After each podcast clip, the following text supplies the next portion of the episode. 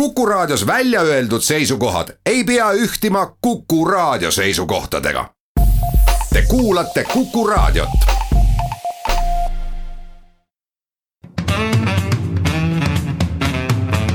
muuli ja Riikoja.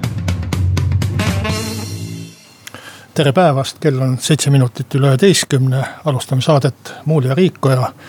Indrek Riikoja on paraku puhkusel, teda asendab Kuku raadio toimetaja Ulla Länts, minu nimi on Kalle Muuli, tere tulemast Ulla. tere päevast.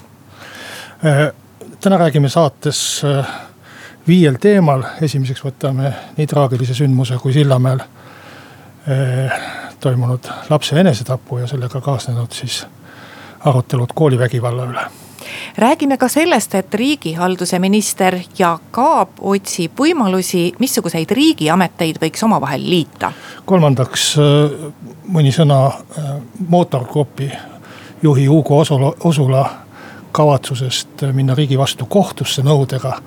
Äh, siis kas lõpetada teatud inimrühmade seadusega pandud kohustus tasuta vedada neid või siis saada riigilt selle eest hüvitist sel nädalal teatas siseministeerium, et on kavas panna piirangud lühiajalisele tööjõule Eestis.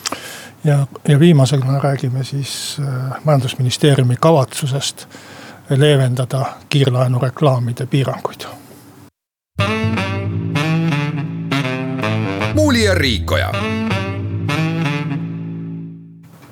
aga alustame äh, Sillamäe traagilisest äh, juhtumist äh, kaastunne vanematele, sugulastele ja kooliperele.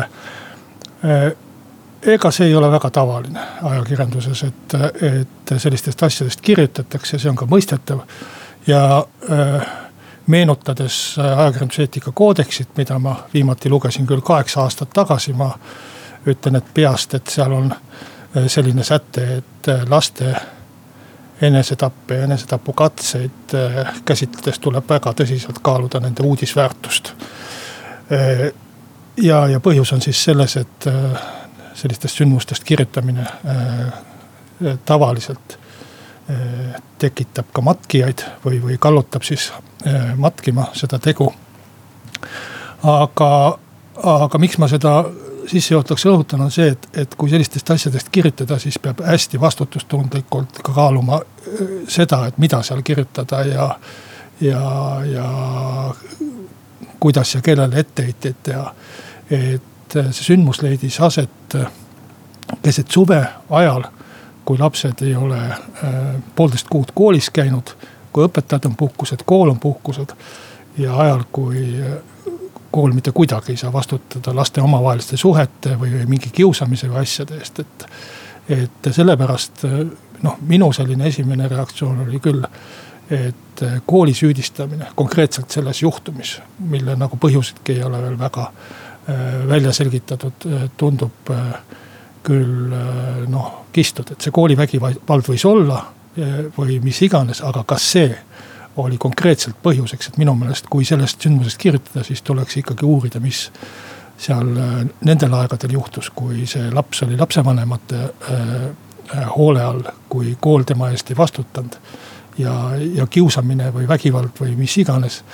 aga see ei ole siis ju koolivägivald no vot, see on, see ongi alati selliste lugude puhul, et tahaks kohe kiiresti ja ruttu teada saada, et kes süüdi oli aga, aga need lood on keerulised, et nagu sa märkisid jah, et üldiselt Eesti ajakirjandus, noh, ma arvan, et käitub suht vastutustundlikult selles nõus, mõttes, et, et äh, ma usun, et toimetused kaalusid, kas sellest kirjutada, aga kui nii väike laps teeb enesetapu, siis tegelikult ühiskond peaks teadma, et selline juhtum on olemas ja ühiskond peaks sellest juhtumist tegema mingid järeldused, et ma arvan, et selles mõttes see kirjutamine on õigustatud, sest nii väikeste laste omavaheliste suhete reguleerimine on ikkagi täiskasvanud inimeste käes.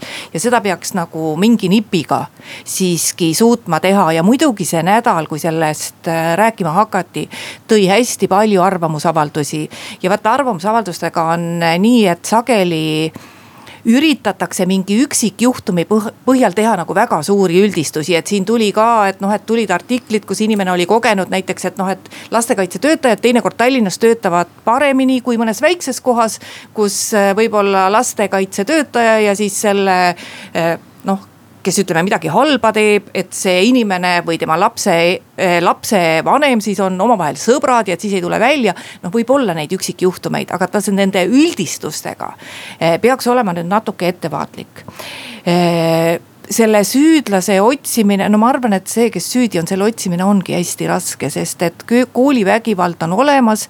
ja kui nüüd keegi kirjutab sellest, et vaat, et äh, kunagi seda sellisel kujul ei olnud. noh, ega siis see, et nõukogude ajal sellest nii palju ei räägitud, ei tähenda seda, et seda tol ajal olemas ei olnud. et ma siin küll ütleks, et et, et meil tegeletakse ju sellega, et meil on, meil on mitu programmi, mis võitleb koolivägivallaga. jah, meil ei ole nii hästi need asjad võib-olla kui ma toon näiteks Taanis, ma olen olnud, külastanud Taanis kahte kooli, nii-öelda nende pahade või probleemsete lastega kooli ja ma siiralt imetlen seda, kuidas Taanis tegeletakse probleemsete lastega. see on kulukas sellel on pikk ajalugu, nad eripedagoogide väljaõpe vot meil on ju eripedagoog, räägitud sellest, et meil koolis ikkagi napib neid eripedagoogi, eripedagoogide väljaõpe. Eh, mis on antud küll minu teada kolmanda sektori kätte, aga millel on väga pikk traditsioon ja millega tegeletakse. ja need koolid ise, kui sa sinna lähed, siis need ei ole mingid pahade last-, noh. Need ei ole nagu mingid pahade laste koolid, sa lähed ja see tegevus, mida seal tehakse, see on imetlusväärne, tahaks ise ka selles koolis käia. ja, ja kogu see tähelepanu fookus minu arusaamise mööda on eh, sellel, et kui keegi on sattunud pahale teele, siis äh, tuleb teda ahvatleda millegi sellisega, mis on positiivne, aga mis on nii huvitav, et sa ei taha seal pahal teel olla, et vaat see on nagu see, et kui poes on jonniv laps, siis vanem ei saa teda, talle ei naha peale anda ega seda ignoreerida. vaid mis sa saad teha, sa saad äh, selle asja juures ta meelitada ära millegi paremaga parema peale, millegi peale, mis on huvitavam. ja vot needsamad äh, koolivägivalla juhtumid, need et no need ongi raskesti lahendatavad juhtumid, et sellesama juhtumi puhul politsei oli tegelenud, sotsiaaltöötaja oli tegelenud, kool oli teadlik ja tõenäoliselt ka vanemad. aga et kui ma tulen oma jutuga tagasi nende selle nädala kommentaaride juurde, meil siin ühes Kuku raadio saates, kus sellest ka räägiti, ütles üks saatekülaline, kui minu lapsega midagi sellist juhtub, ma läheks kooli ja ma siis sellele noh, teisele lapsele umbes näitaks. no see ei ole ju lahendus, kui vanem läheb ja asub diskussiooni selle lapsega. ja aga praegu ei ole isegi seda võimalust, et ma lähen kooli ja siis ma näitan, sellepärast et kooli uksed on kinni ja see, kuhu ma tahtsin nagu äh, fookust panna või, või mida esile tõsta. on see aeg, kui lapsed ei ole kooli järelevalve all, kui nad peaksid oma lapsevanema järelevalve all olema. et seda on olnud, laps oli viimati koolis poolteist kuud tagasi et tegelikult me peaksime vaatama, mis temaga juhtus viimastel päevadel enne seda traagilist äh, õnnetust. Äh, et kes tema eest siis vastutab, e, e, kui kooli uksed on kinni ja kui ta on väljaspool kooli.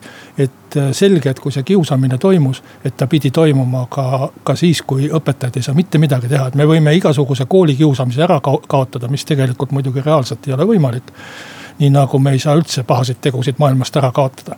aga, aga ka siis, kui koolis oleks kõik väga korras, jääb ikkagi küsimus, et vahepeal on kolm kuud suvevaheaega. Kui õpetajad on puhkusel, kool on puhkusel, uksed on kinni ja lapsed suhtlevad kuskil mujal. et ka seda lugu lugedes tahtmata kedagi süüdistada absoluutselt. mul tekkis päris hulk küsimusi, et see, see juhtus ju kodus. laps tuli koju, eelmisel õhtul oli ta tulnud koju ja saatnud õpetajale sõnumi, aidake mind, vähemalt nii ma loen lehest. vanemad olid seda sõnumit näinud. mul tekib kümneaastase poisi puhul küsimus, et aga miks ta ei palu abi oma vanematelt? miks ja isegi kui vanemad näevad seda sõnumit, nad ei saa teada, miks laps sellise sõnumi õpetajale saatis. õpetaja võib olla kuskil puhkusel Hiiumaal või taevas teab, et ei saa aidata miks ta ei usalda oma vanemaid, miks ta sealt abi ei saa, et see, see, see küsimus minu meelest äh, väga lihtne on kooli süüdistada. Kus, kus laps tõesti viimati käis poolteist kuud tagasi. sest kool on selline anonüümne koht, ah, need on seal halvad õpetajad, need on, need ei saa millegagi hakkama. aga see, see, mis ikkagi lõpuks selle sündmuseni viis, pidi leiduma, leidma aset ajal, kui see laps oli hoopis koolist ära ja, ja ma arvan, et see, see vajaks palju rohkem nagu analüüsi, et, et miks see niiviisi oli ja, ja miks see niiviisi võimalik oli. ja, ja noh, paljudes riikides on väga ranged reeglid ka vanematele kehtestatud, kuidas nad peavad oma lapse järel valvama. On teatud vanuseni, sa ei tohi teda üldse üksi jätta, ma arvan, et Eestis ei peaks seda teed minema, et see on, see on vast ülehooldamine. Aga, aga, aga mingil määral peaks vaatama ka seda olukorda, et kust siis see vanem abi saab, kust see laps saab abi, kui kooli ei ole. et meil on loodud äh, Rajaleidja keskused, kus töötavad eripedagoogid, sotsiaalpedagoogid ja, ja psühholoogid. aga ma võin öelda seda, et Rajaleidja keskus on täpselt samuti keset suve puhkusel, et ka see, ka sel ajal, nii et väga keeruline küsimus, et mida teha siis, kui kooli tegelikult ei ole üldse. koolis, koolis me saame midagi ette võtta, seal on inimesed ja õpetajad ja kas nad on paremad või halvemad, et, et saab vaadata ja, ja saab ka neid õpetajaid vahetada või direktoreid. aga antud juhul ju tegelikult laps usaldas vähemalt selle sõnumi põhjal õpetajat rohkem ja, ja pöördus tema poole just, ehkki ta oli kodus no selles on sul õigus ja ega siis lapsevanem ongi see, see esimene vastutaja oma lapse eest ja esimene abiline, kes peaks aitama suureks saada. ilma suuremate muredeta lapsele, et ka siis, kui on, ka siis, kui on kooliaeg, aga, aga, aga teinekord vanem lihtsalt ei oska ja ega siis on ju muudel juhtudel olnud ka nii, kus laps mõne loo oma probleemi ja mure räägib palju meelsamini lastekaitsetöötajale ära, kui ta räägib oma vanemale, et, et kõik suhted alati ei ole ideaalsed, et selles on sul õigus jah, et see nõustamissüsteem ja ka inimeste teavitamine, et kui sa nagu ise enam hakkama ei saa või ei tunne häda ära, kust siis abi saada. et noh, see peaks töötama ikkagi kakskümmend neli H ja ta ja sellest peaks ka inimesed teadma. muuli ja Riikoja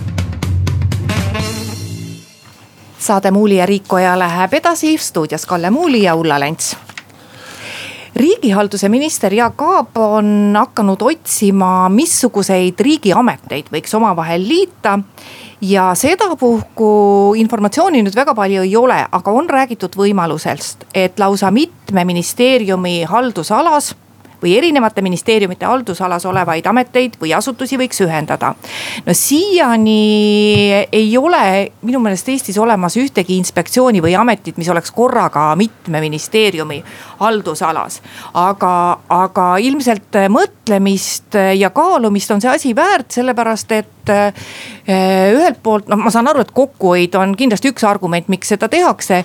teiselt poolt, kui selle kokkuhoiu kõrval suudetakse ikkagi argumenteerida, et eh, eluvaldkond, mida see ametkond kureerib, et see töötab täpselt sama hästi edasi või veel paremini ka siis, kui raha sellele vähem kulutatakse või, või mitu ametkonda ühendatakse, et noh, siis on ju iseenesest kõik väga hästi. no me ise kõik teame, et äh, alati ei ole kõik ideaalne ja mõnikord, äh, kui raha kokkuhoiu eesmärgil hakatakse asju mehaaniliselt kokku panema siis äh, võib juhtuda, et see teenus, mida ühiskond sellelt ametkonnalt saab ei pruugi just äh, nagu kõige parem olla. ja vaat sellises algusjärgus on äh, suhteliselt raske kõrvaltseisjal ka järeldusi teha, sest et kui sa hakkad küsima ametkondade seest, et noh, mida te sellest arvate. siis tavalised inimesed ja ametnikud, keda selline ühendamine puudutab, arvavad sellest alati hästi halvasti noh, nii keeruliste asjadega nagu mitme äh, ministeeriumi haldusalas olev amet räägime lihtsamatest asjadest, kõigepealt ühe ministeeriumi haldusalades olevatest ametitest, et, et see Jaak Aabi plaan on eh, tore ja ta on eh, noh paraku vist nii suur plaan, et, et suur tükk võib ajada suu lõhki. Eh, ja ta peaks augusti algul ka valmis saama ja valitsusse tulema ilmselt siis kabinetti. et noh, minu meelest on see igati mõistlik ja, ja ka koalitsioonileppe riigireformi plaanidega kooskõlas, aga võib-olla sellise elu näinud ja veidi skeptilise inimesena ma ütleksin küll, et, et eh, selle elluviimine saab olema pööraselt raske. ja väga seda kulude kärpimist ma ka ei usu, et ma nägin, kuidas me üritasime keskkonnaministeeriumis ühendada keskkonnainspektsiooni ja keskkonnaametit.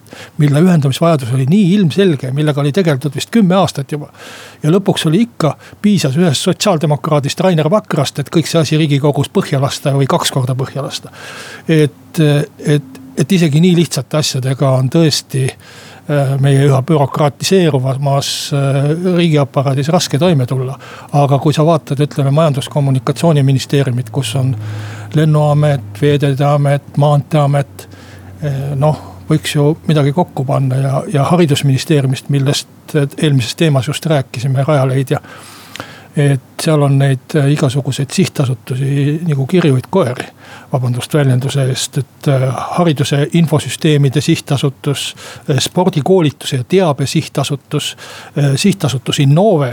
mis on muide väga suur, see on suurem kui mõni ministeerium, seal töötab üle kolmesaja inimese, kui keegi teada tahab et sealsamas Jõhvis Sillamäe lähedal on seitse inimest ainuüksi Rajaleidjas, kes peaks eripedagoogidena, sotsiaaltöötajatena seal tegutsema siis on Kutsekoda Archimedes, Eesti Teadusagentuur, Teaduskeskus Ahhaa, kõik need on äh, päris äh, mahukad riigipalgalised äh, või, või riigile kuuluvad asutused, et, et neid on ikka päris palju, päris mitme ministeeriumi alluvuses, mida võiks mitte ainult kokku liita, vaid üritada ka kärpida mingist otsast no aga mis see kõige kõvem argument on, et igaühel on oma mingisugune väike, eh, väike selline nüanss, et vaata Euroopa Liidu toetuste osas on ju ka räägitud sellest, et miks meil peab olema neid institutsioone või sihtasutusi, kes seda jagavad nii palju, et miks peab seda ühelt poolt tegema.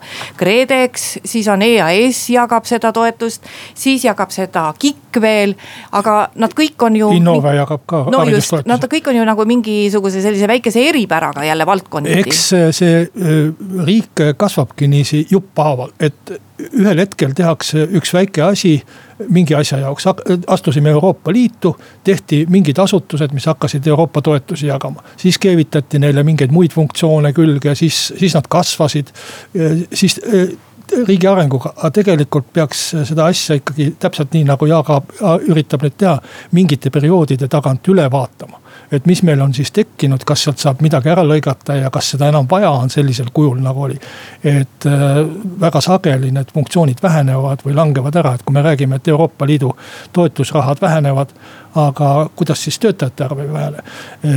kui me räägime, et me kaotame põhikooli eh, riigieksamid ära lõpus, aga kuidas siis nende eksamite kontrollijate arv ja eksamite läbiviijate arv ei kahane näiteks sellesamas Innoves. et, et seda kõike peaks aeg-ajalt üle vaatama, mingi revisjoni tegema. aga see muidugi nõuab väga suurt poliitilist tahet ja väga suurt jõudu, millega seda kõike eh, läbi viia nii ametites kui ka hiljem riigikogus nojah, aga võimalik, sest et kui hakati rääkima maavalitsuste kaotamisest, siis ju esimene jutt oli ka, et äh, maavalitsustel on terve rida selliseid funktsioone, mille puhul ei teagi, et kes selle siis nagu üle peaksid võtma ja et kohalike omavalitsuste liidud ei suuda kõike võtta. no kaotati ära, ega mingit väga suurt katastroofi ei juhtunud ju. noh, jah, midagi jäi alles küll mitte maavalitsuse nime all, aga, aga noh ma ei ütle, et nüüd kõik need asutused, mida me siin nimetasime, ole, oleks sama äh, mõttetute funktsioonidega, nagu olid maavalitsused oma ajal. või, või suures osas mõttetutega. aga kindlasti saaks sealt äh, äh päris palju kokku tõmmata, et äh, iseasi noh, kui, kui palju äh, poliitilisel tasandil jõudu ja, ja, ja sellist äh, vastupidavust jätkub, et see on ju kõik see on kellegi inimese leivapaluke ja selle vastu kindlasti tuleb väga äge sõda ja väga äge võitlus. kõik kaitsevad äh, higi ja verega seda, seda kätte saavutatud mingisugust postikest kuskil. muuli ja Riikoja. jätkame saadet Muuli ja Riikoja. stuudios Ulla Länts ja Kalve Muuli Hugo Osula, Eesti üks tuntum bussiettevõtja, mootorgrupp, aga antud juhul siis vist küll. Lux Express Estonia esindajana teatas, et juhatuse esimehena teatas, et, et kavatseb riigi vastu kohtusse pöörduda, kuna tema, tema palve või pöördumine majandusministeeriumi ja sotsiaalministeeriumi poole selles, et talle hüvitataks teatud inimeste tasuta vedu bussides, mis on seadusega ette nähtud.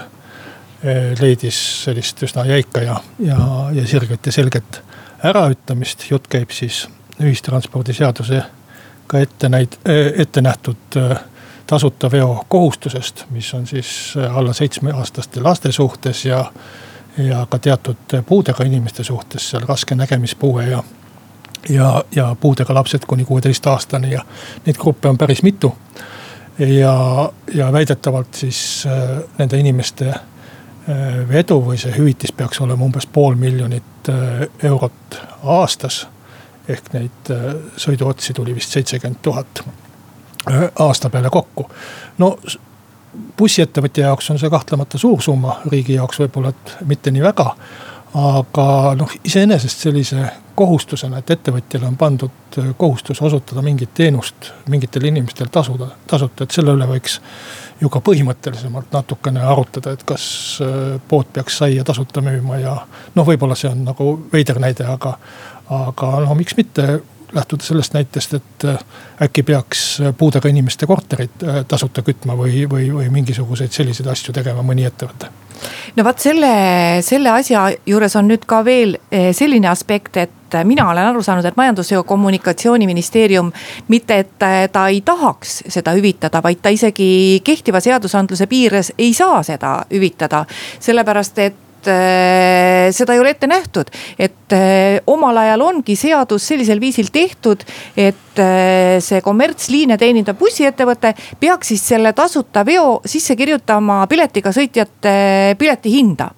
ja seal on teine asi veel, et sellel hetkel, kui seadus tehti, võttis riik endale kohustuse luua elektroonne süsteem, mis loeks üle, kui palju neid nullpiletiga sõitjaid siis on see on tegemata ja ma saan nüüd aru, et ka päris hästi ei saada aru, kelle tegemata töö see on, sest et eh, majandus- ja kommunikatsiooniministeerium ütleb, et nemad seda nagu ei peaks tegema. et eh, see inimeste grupp, kes tasuta saavad sõita või kellel on see tasuta sõidu õigus, et see kuulub nagu sotsiaalministeeriumi alla, et selle süsteemi peaksid nemad välja töötama, et ma arvan, et on suhteliselt hea, et see küsimus on üldse tõstatanud, sest et eh, nagu olukord eh, noh, tundub ju suhteliselt jabur olevat, et sulle pandakse, pannakse kohustus teenindada kedagi, kui sa riigi poolt ei saa sentigi dotatsiooni. ja siis öeldakse veel, et noh, et kui teile see ei meeldi, et noh, et ärge tegelege siis bussiveoga, veondusega. no kui keegi ütleb, et seadus ei luba ja, ja noh ma tõesti ei mäleta enam, mis ajast selline kohustus üldse seadust. see on kuskil, see seadus sellisel muul minu meelest kehtib kuskilt aastast tuhat, kaks tuhat neliteist, aga kui seda seadust äh, menetleti, siis ausalt öelda ma ei mäleta, et sellest aga, oleks väga palju räägitud aga, sellest kohustusest. aga tasuta veokohustus, ma arvan, et see on äh, hallidest nõukogude aegadest peale, et äh, ilmselt minagi olen lapsena sõitnud bussis tasuta jah, ainult aga, et sellisel aga, juhul ei olnud kommertsliine. aga, aga see loogika ilmselt tuleneb kuskilt nendest aegadest, et laseme laseme pensionäridel ja lastel äh, tasuta sõita, mis võib olla täitsa mõistlik loogika, aga küsimus on, kes selle eest peab, peab maksma. ja kui ütelda, et noh, seadus ei luba või, või mis iganes, et siis teadupoolest on ju nii, et ega bussiettevõtjad ei tee seadusi, seadusi teebki seesama Majandus- ja Kommunikatsiooniministeerium ja tehku siis mõistlikud äh, seadused, et minu meelest nagu see asi, et ettevõtjale pannakse kohustus mingit teenust tasuta osutada no rahuaja tingimustes sellist asja ei peaks olema, et võib-olla sõja ajal peaks ta oma bussi või auto andma äh, riigikaitselistel otstarbe, äh, otstarbel ära. aga, aga kui me peame õigeks seda, et äh, teatud vanusest lapsed või teatud puudega inimesed peaksid saama ühistranspordis tasuta sõita. siis ma arvan, et see peaks olema maksumaksjate kohustus seda hüvitada ettevõtjale, et Osulal on siin ilmselgelt noh liiga tehtud ja tal on kindlasti õigus äh, seda hüvitist minu meelest saada. kui seadus ei, ei luba, siis tuleb seadused ka ümber teha ja ma, ma vähemalt arvan, et kui ta kohtusse läheb, et, et kohus jõuab äh, täpselt samasugusele järeldusele, et see on absurdne, et ühele ettevõtjale pannakse mingi tasuta teenuse osutamise kohustus. no vot selle ühistranspordiga on, et kui siin riigi tasandil on mingi asi vaja nagu põhjalikult ümber mõtestada, siis seda ühistransport on kahtlemata üks selliseid valdkondi.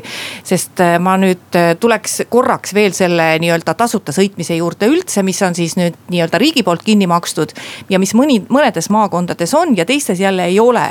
et kui riik on ikkagi öelnud, et maakonnaliinid liinidel saab tasuta sõita, siis peaks seda saama, mitte et ma seda pooldaks. aga kui seda on tehtud ja selleks on raha antud, siis peaks saama tasuta sõita nendel liinidel, see ei puutu nüüd küll sellesse teemasse. igal pool, mitte nii, et Harjumaal öeldakse, aga et meie kulutame selle raha millekski muuks ja siis läheb Harjumaal ühistransport paremaks, no ei läinud paremaks ainult et eh, erinevalt näiteks Viljandimaa inimestega, Harjumaal inimesed nendel nimetatud liinidel ei saa tasuta sõita, et riik peaks seda ikkagi kohaldama kohustusena kui ta on selle raha juba andnud kõigis maakondades. nojah, see on nüüd teine küsimus ja aga, aga kindlasti see riivab eh, seda teemat selles mõttes, et, et et ka need tasuta liinid konkureerivad nende kommertsliinidega ja, ja võtavad äh, kindlasti nendelt äh, natukene raha ära, et ühest küljest riik teeb selle kommertsliini ettevõtja elu äh, mitmesuguste dotatsioonidega, mis teistele firmadele antakse, palju raskemaks. noh, raudtee on siin veel lisaks, ma ei tea, kui palju ta nüüd konkureerib bussiga, aga kindlasti natuke. ja, ja, ja teisest küljest siis ütleb, et sina kommertsettevõtja, et sina tee veel tasuta neid ja neid ja neid asju. et ma arvan, et siin tõesti võiks natuke tervikuna neid asju vaadata ja, ja ega ettevõtjale ka sa ei saa mingi kaamelile koormat selga laduda sellist, et lõpuks läheb see selgroog ka puru. muuli ja Riikoja keset südasuve tuli siseministeerium välja teatega, et on vaja kehtestada Eestis lühiajaliselt töötavatele töötajatele uued piirangud. no kõigepealt äh, vaadata, kuidas nüüd tööandjad sellesse suhtusid, sest muidugi nad väga hästi ei suhtunud, siin on nagu mitu põhjust, kõigepealt ma saan aru, et ega nendega väga seda ei arutatud. sest meil on Eestis olukorras kord, kus ju tööd on, aga töötajaid ei ole. kui vaadata, mis need piirangud endast siis kujutavad, siis tähendab see seda, kõigepealt läheb menetlusaeg pikemaks ja siis menetlusaeg selles mõttes, et millal antakse vastus, et kas see inimene siis võib siin lühiajaliselt töötada või mitte. kümnelt päevalt viieteistkümnele päevale. viieteistkümnele, mis tööpäevadena tähendab tervet nädalat. ja, ja teine asi, mis on ilmselt tõenäoliselt hullem, on see, et äh, selle töötaja või selle renditööjõust me põhiliselt räägime, siin olemise seaduslikkust ei hakka hakka enam põhjendama Politsei- ja Piirivalveamet, vaid tööandja. ja vaat see on nüüd see koht, mille kohta Politsei- ja Piirivalveamet on ise ka öelnud, et selle tõendamine kas sealt Poolast tulev renditööjõud tuleb äh, tõeliselt firmast, mis seal Poolas tegevust omab. või tuleb see siis mingi sahkermahker teed pidi, et seda on ka nendel väga raske tõestada. sellepärast, et nemad kasutavad selleks igasuguseid erinevaid teid, vaadates, kas ettevõtte maksud on makstud. vaadates, kas ettevõttel on konkreetne majandustegevus, aga nüüd peaks sellega hakkama siis äh, tegelema see ettevõte, kes seda tööjõudu siia tahab tuua äh, ettevõtjad ise on öelnud, et ja üldiselt ettevõtjad, vaat kui nad näevad, et keegi teine saab odavamalt või sahker-mahker midagi teha, siis nad on ju väga altid üldiselt, et see seaduse auk tuleks kinni panna. selle teema puhul on ettevõtjad öelnud, et noh, muidugi on sahkerdamist, aga see ei ole nüüd seal tööturul mitte kõige suurem probleem. et selles mõttes on nende skeptitsism muidugi ausalt öelda täiesti mõistetav noh, lühiajalise tööjõuga on ju nii, et äh, seda põhimõtteliselt, sellel ei ole neid kuulsat kvoote. et seda põhimõtteliselt saab piiramatult äh, tuua, et ei ole seda tuhande kolmesadat äh, inimest. Eestist praegu töötab lühiajaliselt välismaalasi kolmandatest riikidest ehk siis väljastpoolt Euroopa Liitu suurusjärgus kakskümmend tuhat inimest ja põhimõtteliselt on vaja selleks, et tuua lühiajalist tööjõudu, kahte tingimust, et sellel inimesel oleks Eesti viisa. mille ta siis peab taotlema ja mida üldjuhul tavalisele töölisele antakse, et kui ta ei ole mingisugune poliitvaenlane või, või suur kurjategija. ja, ja teine on, et tööandja peab talle maksma Eesti keskmist palka.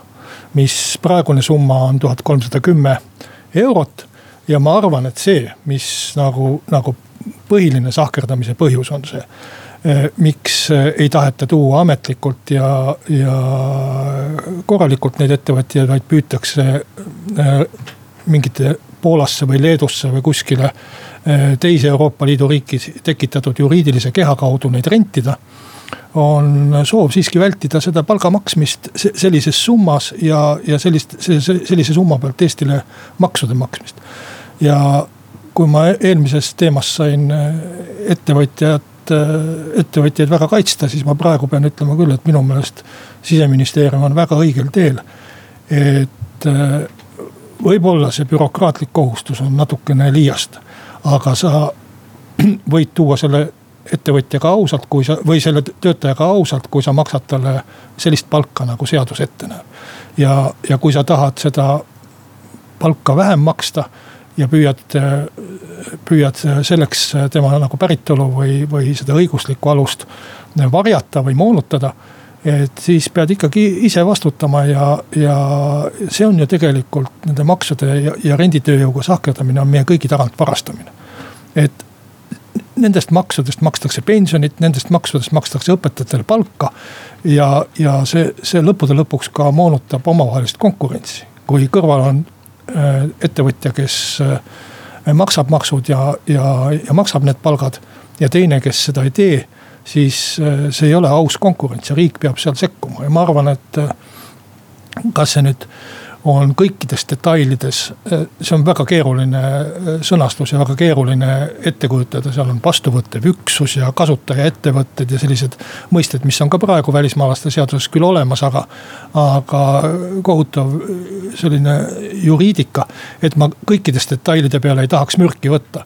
et, et see peab just nii olema, aga põhimõtteliselt see tee, et me paneme ikkagi selle ettevõtja, kes kasutab seda tööjõudu siin ja kes peab maksma talle teatud palka ja, ja riigile teatud makse. Eh, vastutama selle eest, kelle ta siia toob. et eh, ma arvan, et see on põhimõtteliselt õige tee ja, ja täiesti kiidan sise, siseministrit selle eest. no olen sinuga nõus selles pooles, eh, mis sa rääkisid sellest, et kõik peavad ühteviisi riigi ees kohustust kandma ja kõik peavad ühteviisi makse maksma. nüüd teiselt poolt ei ole ma nõus sellega, no võib-olla ka jah, sa ütlesid ka, et me ei tea ju ka detaili täpsusega ei oska siin rääkida, kuidas see hakkab olema. aga kui ma nüüd tõesti vaatasin seda tõendamiskohustust, mis ettevõtjale tuleb. ja kui see nüüd teistpidi teeb elu selliseks, sest üldised ettevõtjad ju siiamaani on suhteliselt hästi suhtunud sellesse süsteemi. kuidas seda lühiajalist töötamist siin Eestis on reguleeritud ja on öelnud, et üldiselt see toimib ja kui see nende ettevõtjate osakaal, kes nüüd väga palju petavad, oleks nii kohutavalt suur, ega siis ettevõtjad hakkavad, ütleme, need ausad ettevõtjad ise ka õiendama. et eh, tagage palun, et kõik seda süsteemi kasutavad suhteliselt ühtemoodi. aga kui selle regulatsiooniga minnakse nüüd sinnamaale, et eh, ettevõtja saab kohustusi, mis eh, teeb tema halduskoorm- või tema koormuse ja, ja, ja tema selle protsessi läbiviimise kallimaks, keerukamaks ja peaaegu võimatuks. siis iseenesest saab see tööturg ikka kõva paugu, sest nagu ma ütlesin, et ega meil ei ole ju probleem selles, et meil tööd ei ole. meil tööd on küll, meil töötegijaid ei ole. ja, ja, ja kui sellesama seadusemuudatuse juurde käis ka lause, et noh, et see eh, tagab paremad võimalused nendele inimestele, kes muidu Eestis tööd ei leia. no ega siis nagu, kui sa nüüd seda lühiajalist või renditööjõudu siia vähem tood, et ega see mees, kes istub päev otsa seal poe taga, ega siis see nüüd sellest tööle ei tule? ma ei tea, kas neid ettevõtjaid, kes petavad, on palju või vähe.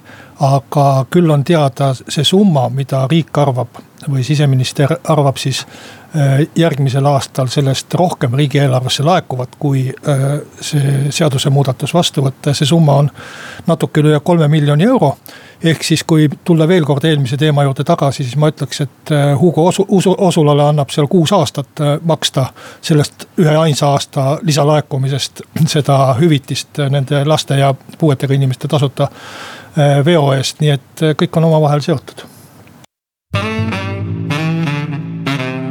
muuli ja Riikoja. Jätkame saadet stuudios Ulla Länts ja Kalle Muuli. Äh, pika hilinemisega jõudis Postimehe kaudu lõppeval nädalal äh, avalikkuse ette ka üks seadusemuudatus, mida planeerib siis Majandus-Kommunikatsiooniministeerium. tegelikult see seadusemuudatus läks kooskõlastusringile juba kohe pärast jaanipäeva ja puudutab ta siis äh, kiirlaene. ja, ja avalikkusele on seda siis esitletud, kui et tahetakse kiirlaenude reklaamipiiranguid lõdvendada ja et muidu ei saa kiirlaenuvõtjad kuidagi võrrelda oma erinevaid äh, tooteid erinevatest äh, firmadest. no tegelikult, kui seda seadusemuudatust äh, lugeda, siis seal on ainult üks väike lause. ja see kõlab nii, et tühistada reklaamiseaduse paragrahv kakskümmend üheksa lõige kolm, ongi kõik. ja see, aga kui hakata vaatama, mis see lõige kolm on, siis seal loetakse üles need asjad, mis peavad kohustuslikult olema kirjas äh, Äh, kiirlaenu või, õigemini siis tarbijakrediidi äh, reklaamis. seal on kohustuslikus korras peab olema intressimäär, krediidikulukus ja, ja muud sellised olulised näitajad. sisuliselt tahetakse praegu võtta maha see, et selliseid asju peab kohustuslikus korras äh, selles reklaamis siis kirjeldama.